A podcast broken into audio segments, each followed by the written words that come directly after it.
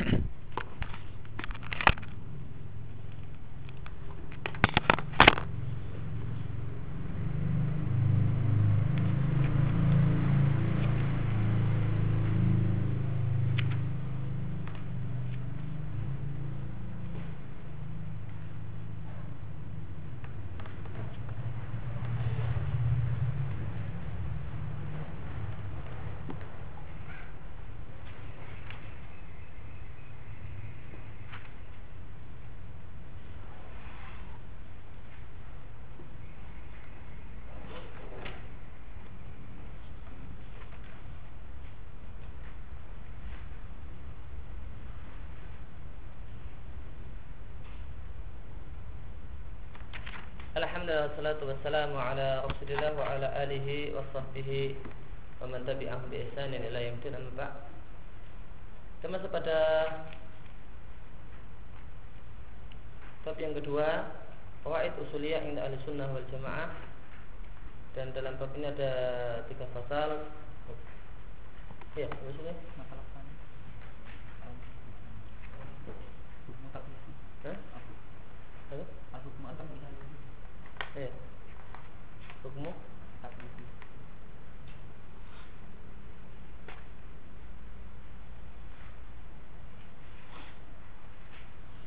nah hukum syar'i ya. Dan masalah dari afal mukallaf. Nah. nah. Kalau hukum at-taklifi Hukum taklifi Ada uh, Lima bahasan tentang wajib, haram, mandub, makruh Dan mubah. Jadi. Kalau mu'alifu hafizahullah ta'ala at-tamhidi wa fihi ta'rifu hukmi taklifi min yusamihu ila khamsati aqsam awalan ta'rifu al-hukmu at-taklifi wa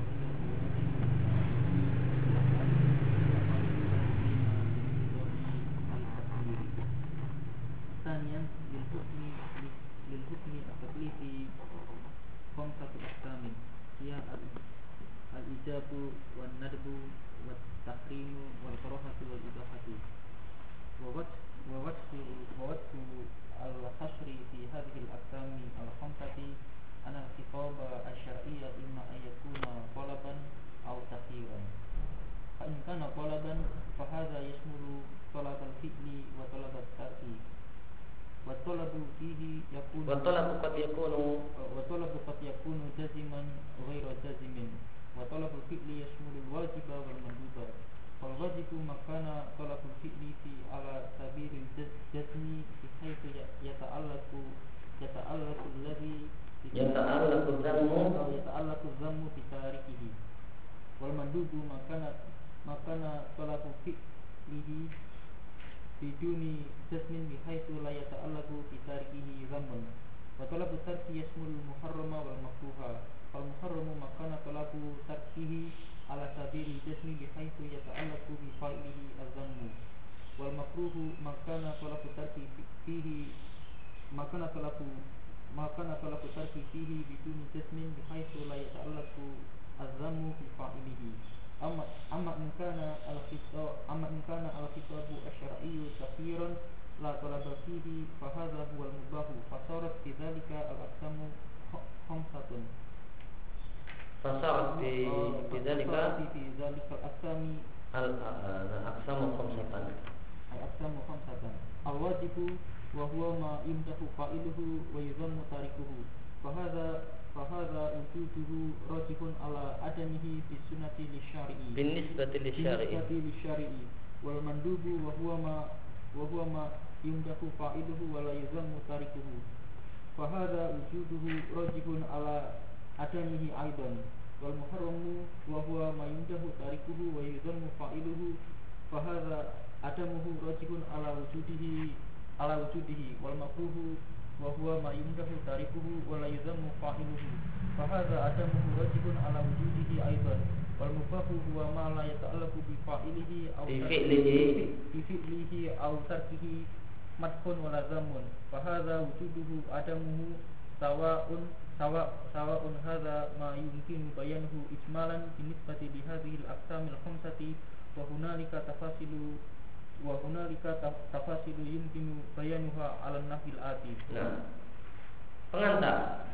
Tapi dari pengantar ini ada pengertian hukum taklifi dan pembagiannya menjadi lima bagian. Yang pertama pengertian hukum taklifi. Hukum taklifi adalah kitabullah. Adalah seruan yang datang dari Allah. itu Quran dan Sunnah yang berkaitan dengan perbuatan mukallaf Biktidah yang isinya tuntutan yaitu tuntutan melakukan perbuatan atau tuntutan untuk meninggalkan perbuatan awil tafsir atau bebas milih. Yang kedua, hukum taklifi terbagi menjadi lima macam yaitu ijab, nadab, tahrim, karohah, dan ibahah. Maka kalau hukumnya itu ijab, sesuatu yang mendapatkan hukum ijab itu wajib. Hukumnya nadab, sesuatu yang nadab mandub. Hukumnya tahrim sesuatu yang di sesuatu yang mendapatkan hukum tahrim muharram. Hukumnya karohah sesuatu yang mendapatkan hukum karohah disebut makruh hukumnya ibahah sesuatu yang mendapatkan hukum ibahah ya, mubah. Yang di. Kalau hukumnya boleh yang di nah, yang mendapatkan hukum boleh nah itu artinya yang dibolehkan. Hukumnya anjuran. Sesuatu yang mendapatkan hukum anjuran nah, artinya adalah yang dianjurkan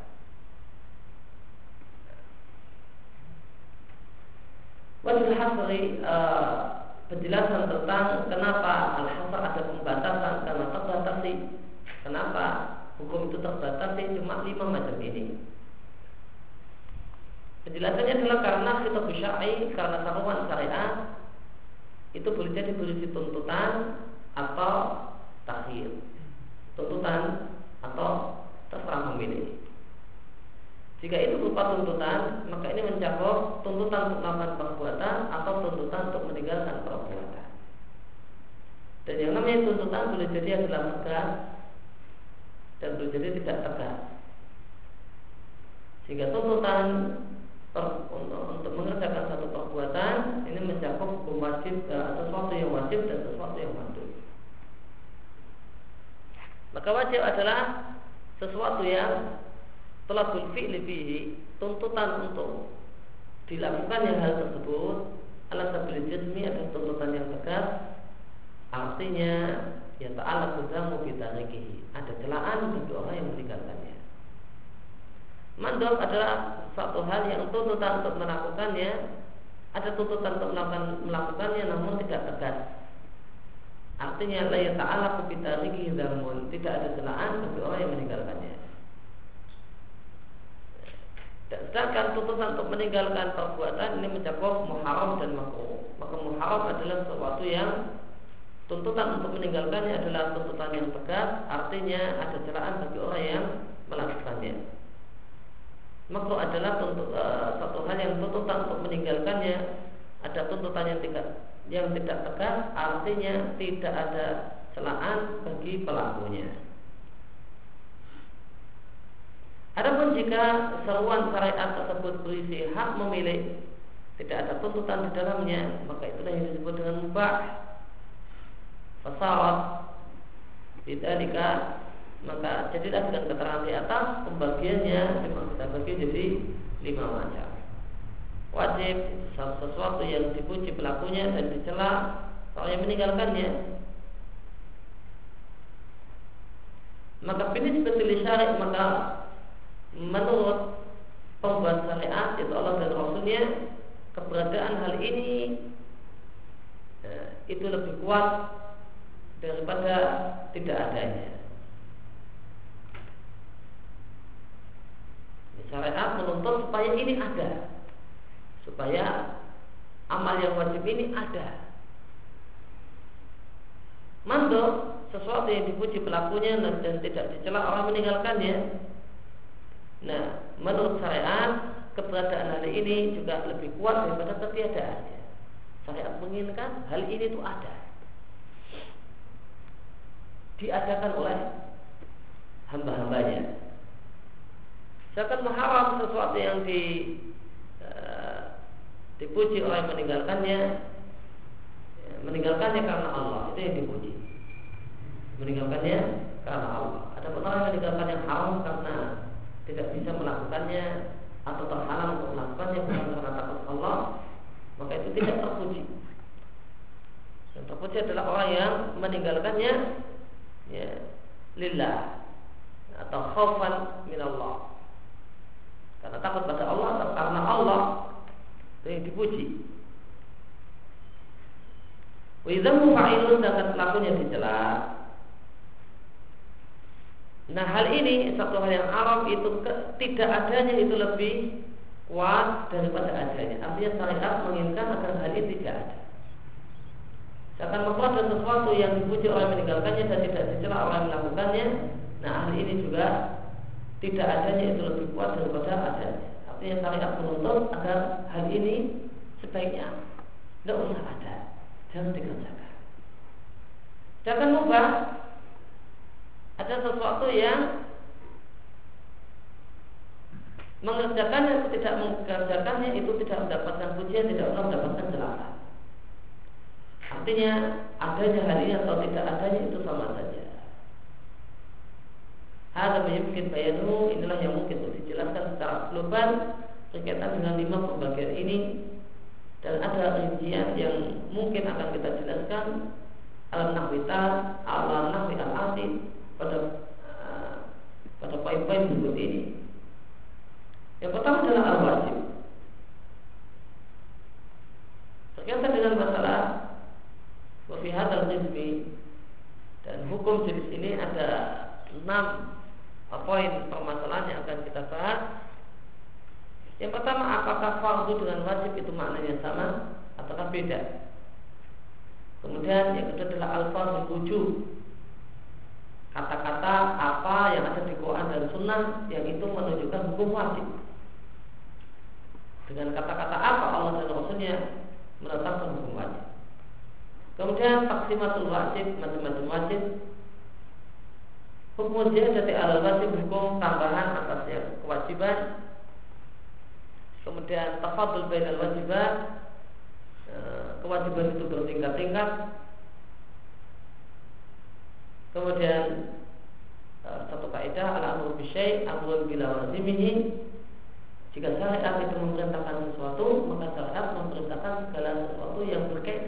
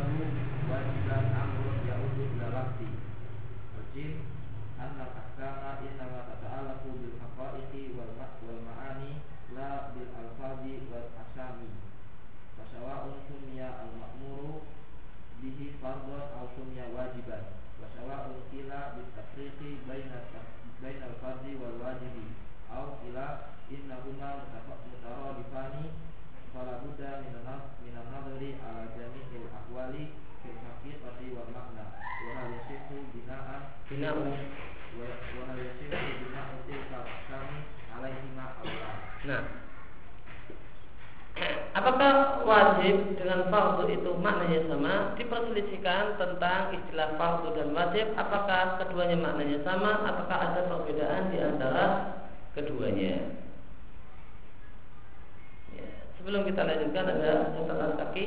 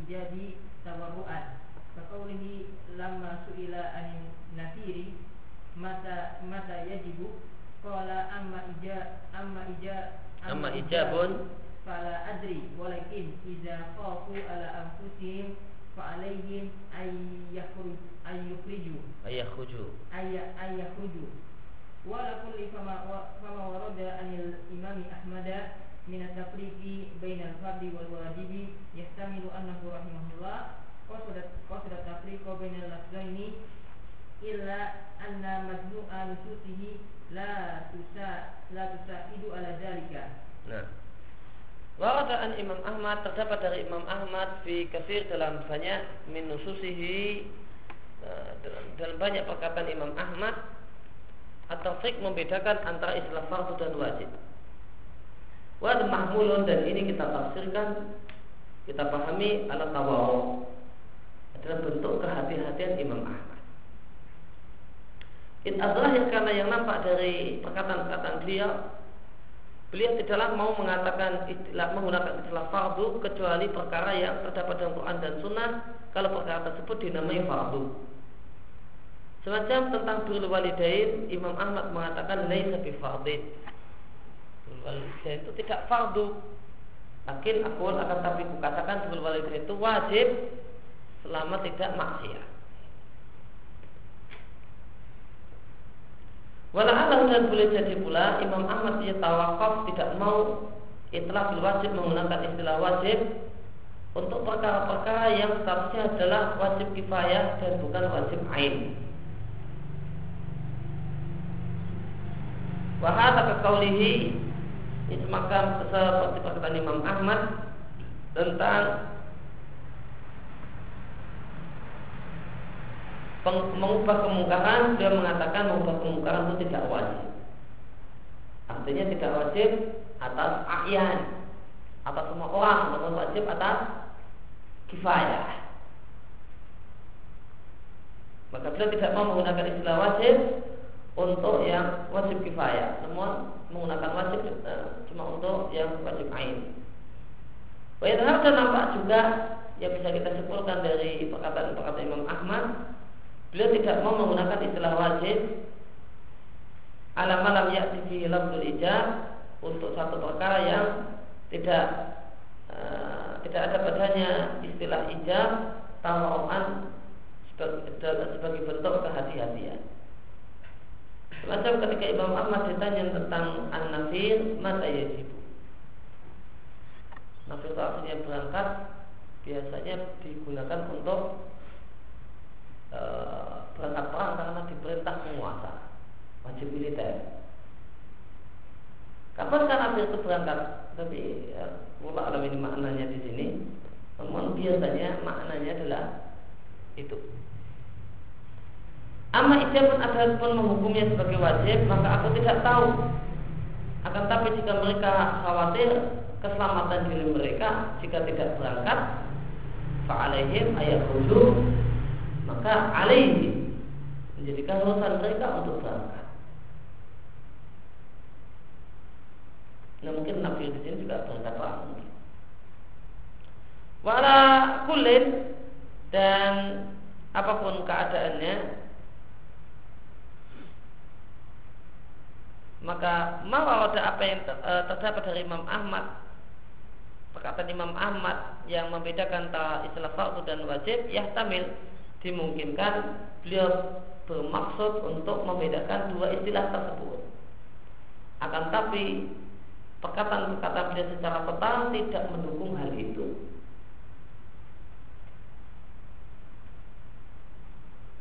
Di perkataan Imam Ahmad itu mungkin kita maknai menurut mazhabnya Imam Ahmad fardu itu bukan wajib.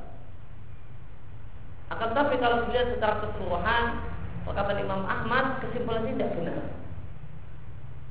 Ya, kalau dilihat keseluruhan kesimpulan tidak benar. Oleh karena itu kesimpulan yang paling tepat tadi kesimpulan di atas. Jadi Imam Ahmad terkadang tidak mau menggunakan wajib, menggunakan istilah fard, boleh jadi tawaruan, boleh jadi tadi mungkin karena ini bukan fardu ain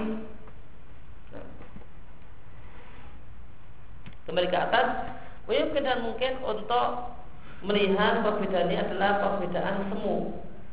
Binatang ilam mayati dengan melihat beberapa penjelasan berikut ini. Yang pertama makna bahasa untuk farad dan wajib.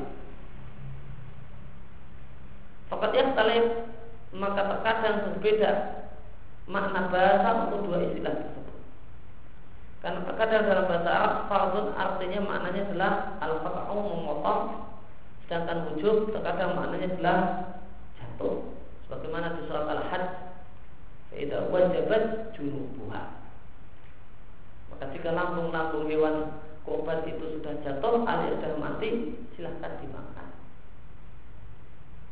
Demikian juga di dalam hadis Wasallam eh, itu berbuka puasa idza wajabat asyamsu. Nabi itu berbuka kapan? Idza wajabat asyamsu. Jika matahari sudah jatuh dari garis ufuk, sudah jatuh ke dalam. Maka yatafiku an dan terkadang dua istilah tersebut itu juga sama maknanya secara bahasa. Karena keduanya dalam bahasa Arab terkadang bermakna al-hatam wal ilzam, harus dan harus.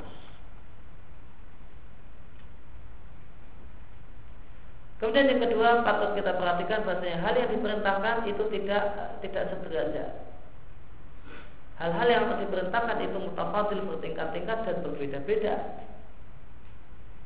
Maka tasmiyatul akid min fardan maka penamaan sesuatu yang lebih ditekankan wajibnya sedangkan jika kurang ditekankan maka e, sesuatu yang sangat ditekankan wajibnya itu disebut syarat dan sesuatu yang kurang ditekankan disebut wajib maka ini adalah amrun ya'udu ila lawdi dan satu perkara yang berkaitan dengan masalah lafaz bukan dalam masalah hakikat. Hakikatnya tetap harus. Mau dibilang wajib ya harus fard ya harus cuma ya ada yang mengatakan, ada yang menggunakan istilah ya kalau untuk yang wajibnya itu ditekankan itu farad, kalau tidak terlalu ditekankan itu wajib, ini cuma perbedaan pengistilahan. Isinya beda, tidak beda.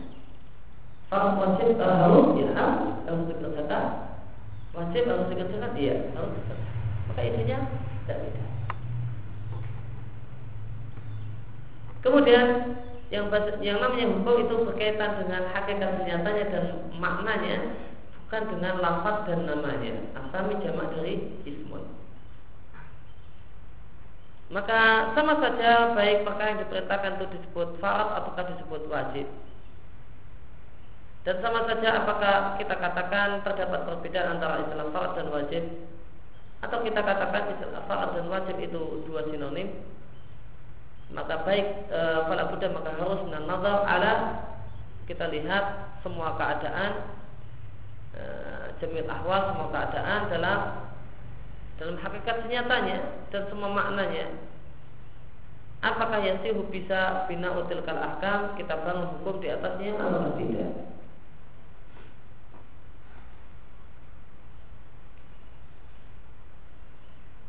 Yang jelas ya itu adalah sebuah keharusan, sebuah keharusan harus dikerjakan.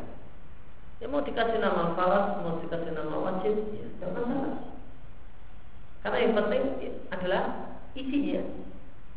Yang penting isinya. Mau pengistilahan itu ya sah-sah saja diistilahkan ini dan itu. Karena pengistilahan itu tergantung kesepakatan.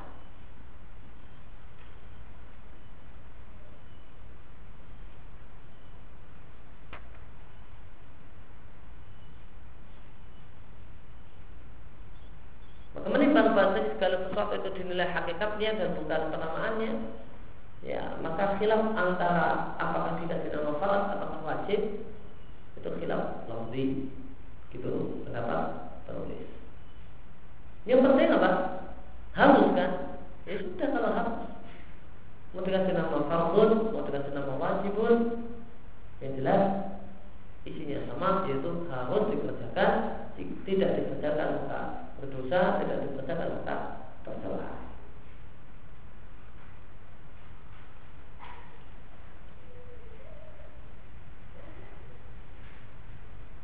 Ini Wildan.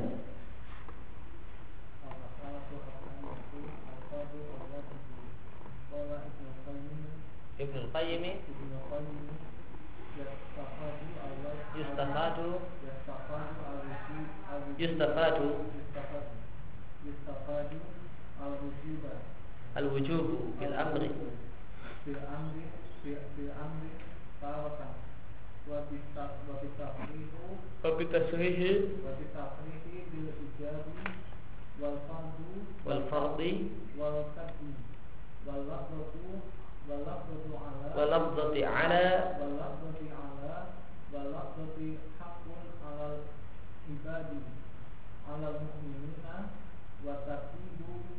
ala mu'minina wa taqidu Adami.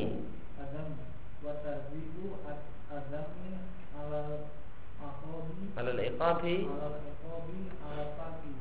Wa isbat wa isbatu wa ihbatil amali. Wa isbati al amali bitarki. Wa ghairi dhalika. Al mas'alatu at-thalithatu tasdi tasdimatu al wajib wajib al-wajibi al wajib yang yang qasimu yang qasimu al wajib salah satu aktimati alif tidak tidak ibari zatihi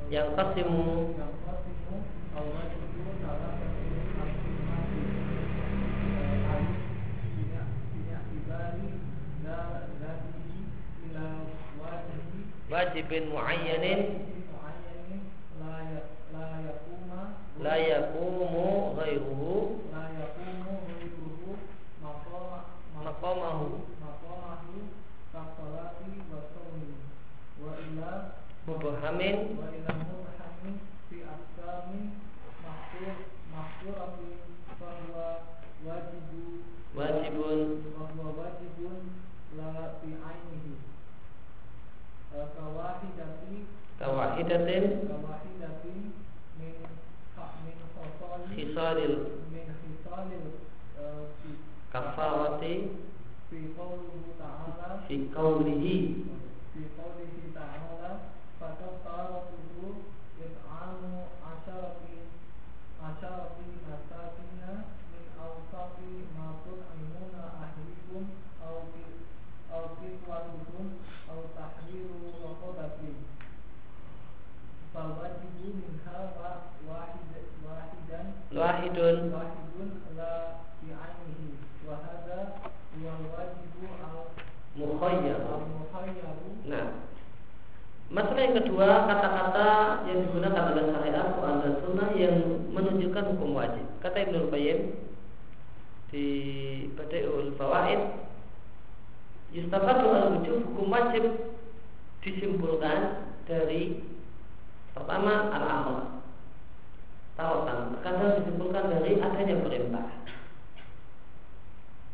Kemudian yang kedua penegasan dengan kata-kata ijab al-farad atau menggunakan kata-kata kata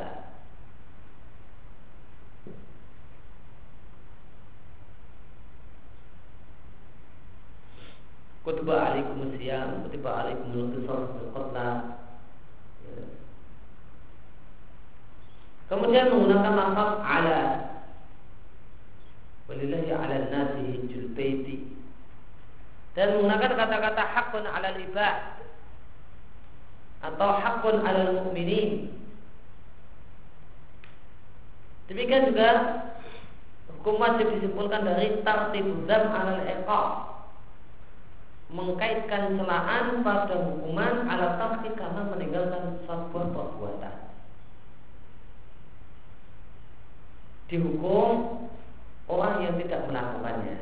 Ini wajib.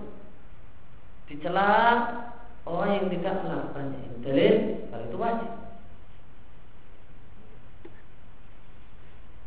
Maka jika syariat memberikan hukuman untuk orang yang meninggalkan suatu perbuatan, nah, maka itu tanda kalau perbuatan tersebut wajib. Atau syariat mencela orang yang melakukan tidak melakukan suatu perbuatan, maka berarti melakukan perbuatan tersebut hukumnya wajib. Wa ibadul amal fitarki. Demikian juga orang yang tarki meninggalkan satu hal yang diperintahkan tersebut akan dihapus amalnya. Dihapus amalnya. Dia punya amal karena meninggalkan satu perintah maka ini menunjukkan bahwa perintah itu wajib dan yang lainnya. Masih ada banyak yang lain. Kemudian macam-macam wajib wajib terbagi menjadi tiga pembagian tiga sudut pandang pembagian yang pertama dilihat dari zatnya dilihat dari kewajibannya itu sendiri maka terbagi, menjadi dua yang pertama wajib ayat wajib yang sudah ditentukan apa yang wajib artinya layakum ghairuhu yang lain tidak bisa menggantikannya wajibnya sholat wajibnya puasa ini nggak bisa diganti dengan yang lain. Tidak ada alternatif yang lain. Di salat. Kemudian yang kedua ilah mubuhamin. Wajib mubuham. Wajib yang tidak ditentukan. Namun fi aksamin mahsuratin ditentukan dalam macam-macam yang sudah ditentukan. Macam-macam yang sudah dibatasi kamu wajib melakukan satu dari beberapa hal ini melakukan satu dari beberapa hal ini Bahwa wajib maka yang kedua ini wajib namun bukan karena tertentunya. Namun wajib ngambil satu dari beberapa hal yang ada. Contohnya adalah salah satu dari khisalul kafar. Salah satu dari uh, perkara kafar. Kafar sumpah dalam firman Allah Subhanahu wa taala maka kafar pelanggaran sumpah adalah memberi makan orang miskin dengan makanan yang pertengahan yang biasa kalian uh, berikan kepada keluarga kalian atau pakaian untuk orang miskin atau memerdekakan seorang budak. Fal wajib maka yang wajib dari hal-hal ini ada satu saja dan satunya itu la ainihi tidak ditentukan terserah uang. Nah inilah yang disebut dengan wajib mukhayyar. Maka dilihat apakah ditentukan apakah tidak ataukah boleh milih semua milih salah satu namun semuanya wajib milih satu maka dilihat dari hal tersebut maka ada wajib muayyan dan ada wajib mukhayyar. Wajib muayyan itu ditentukan nggak bisa diganti.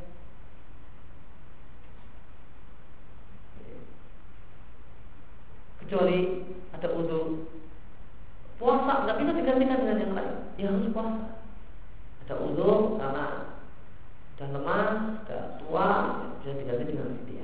Nah, aslinya nggak bisa diganti. Namun bukan boleh puasa, boleh fidyah. Tidak.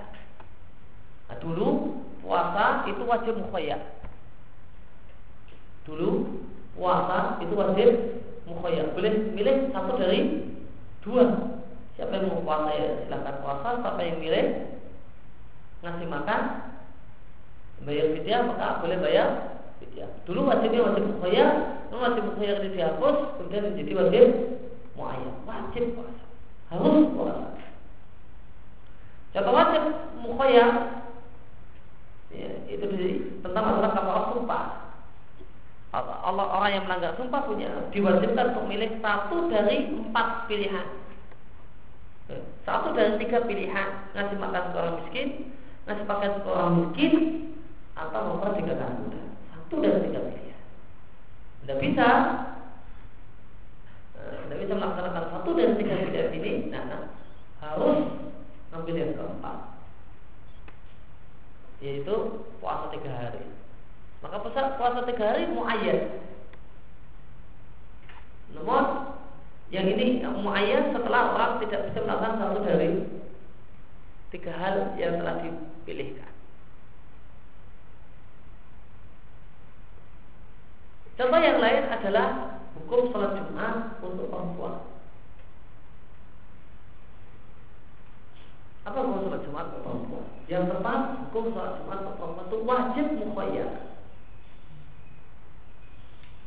Yang dikatakan sunnah. Katakan sunnah, ya saya tak melaksanakan yang wajib, tak tambahin dengan yang sunnah. Hukum sholat Jumat perempuan itu wajib mukhayyar perempuan boleh milih antara ke masjid sholat Jumat dan tidak wajib dan gugurlah apa? dan hilanglah kewajiban duhur atau duhur di rumah atau duhur di rumah ini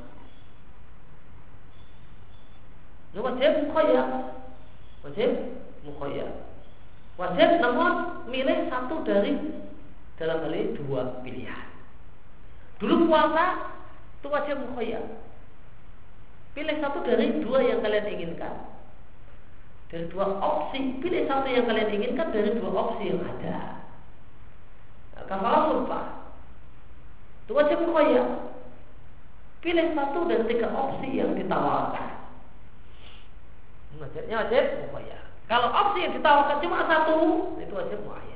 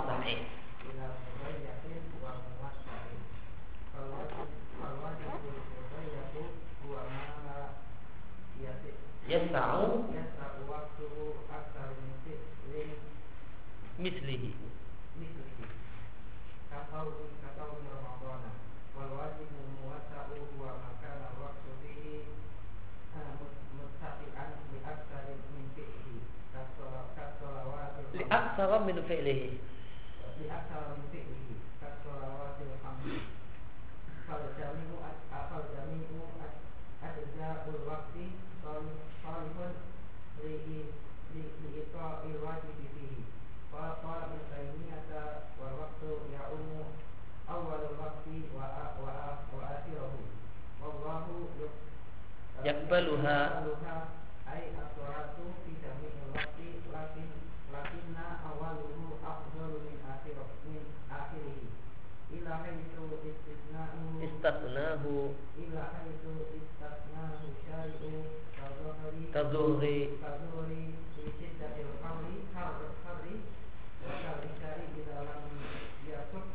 lam al-ma'mur min. Al-ma'murina wallahu a'lam wala yajuzu ta'khirul wajib ta'khirul wajib ta'khirul wajibu wajibi wala yajuzu ta'khirul wajibi ila ila akhir ila akhir ila akhir ila akhir waktu waktihi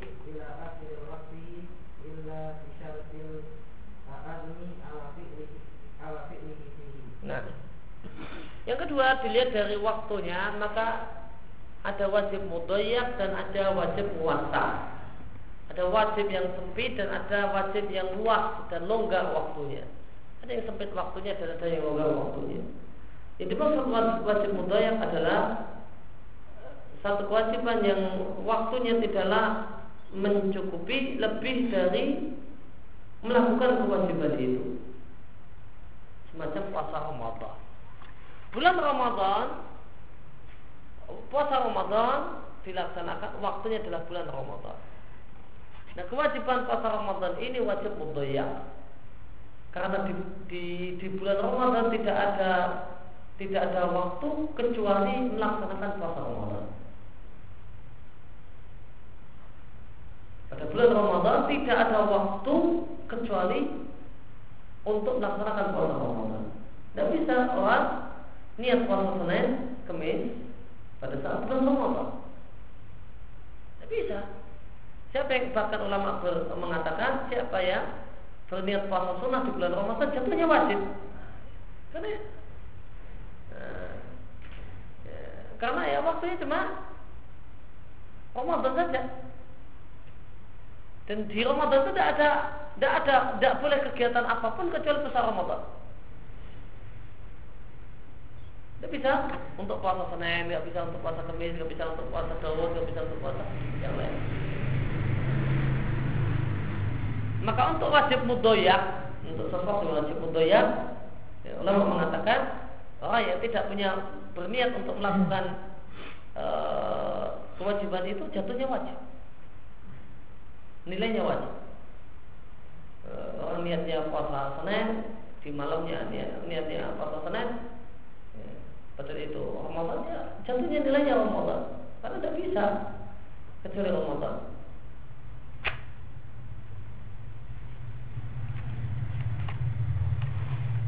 Kemudian yang kedua adalah wajib muasa.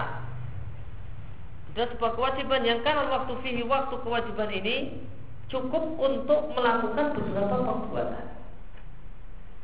Semacam sholat lima waktu. Maka semua anggota atau bagian dari waktu itu bisa diinfakil wajib fihi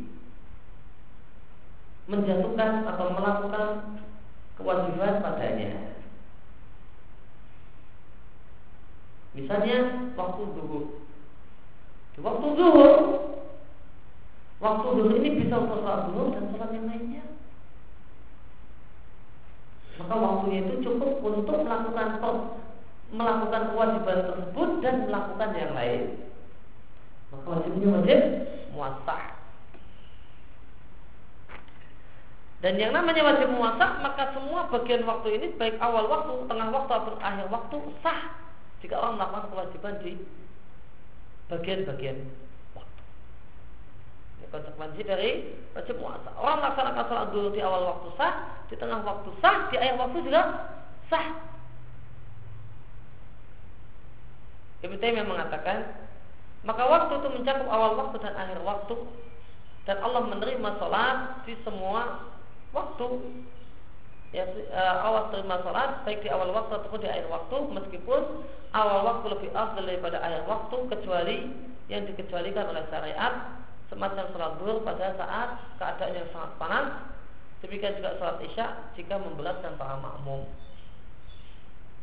Maka sah sholat di ya, sholat duhur di semua bagian waktunya. Akan tapi ingat ada kewajiban untuk melaksanakan sholat berjamaah Ya kalau kita bicara tentang masalah sah, sah di semua waktu.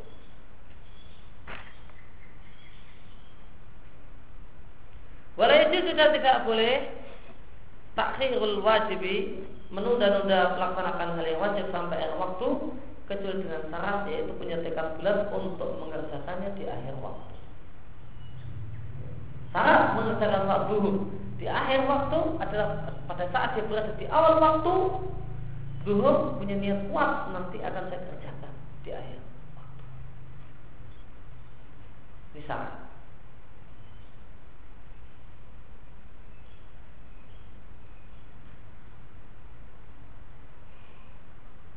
Ya, demikian yang kita baca kesempatan pagi hari ini. Wasallallahu ala nabiyina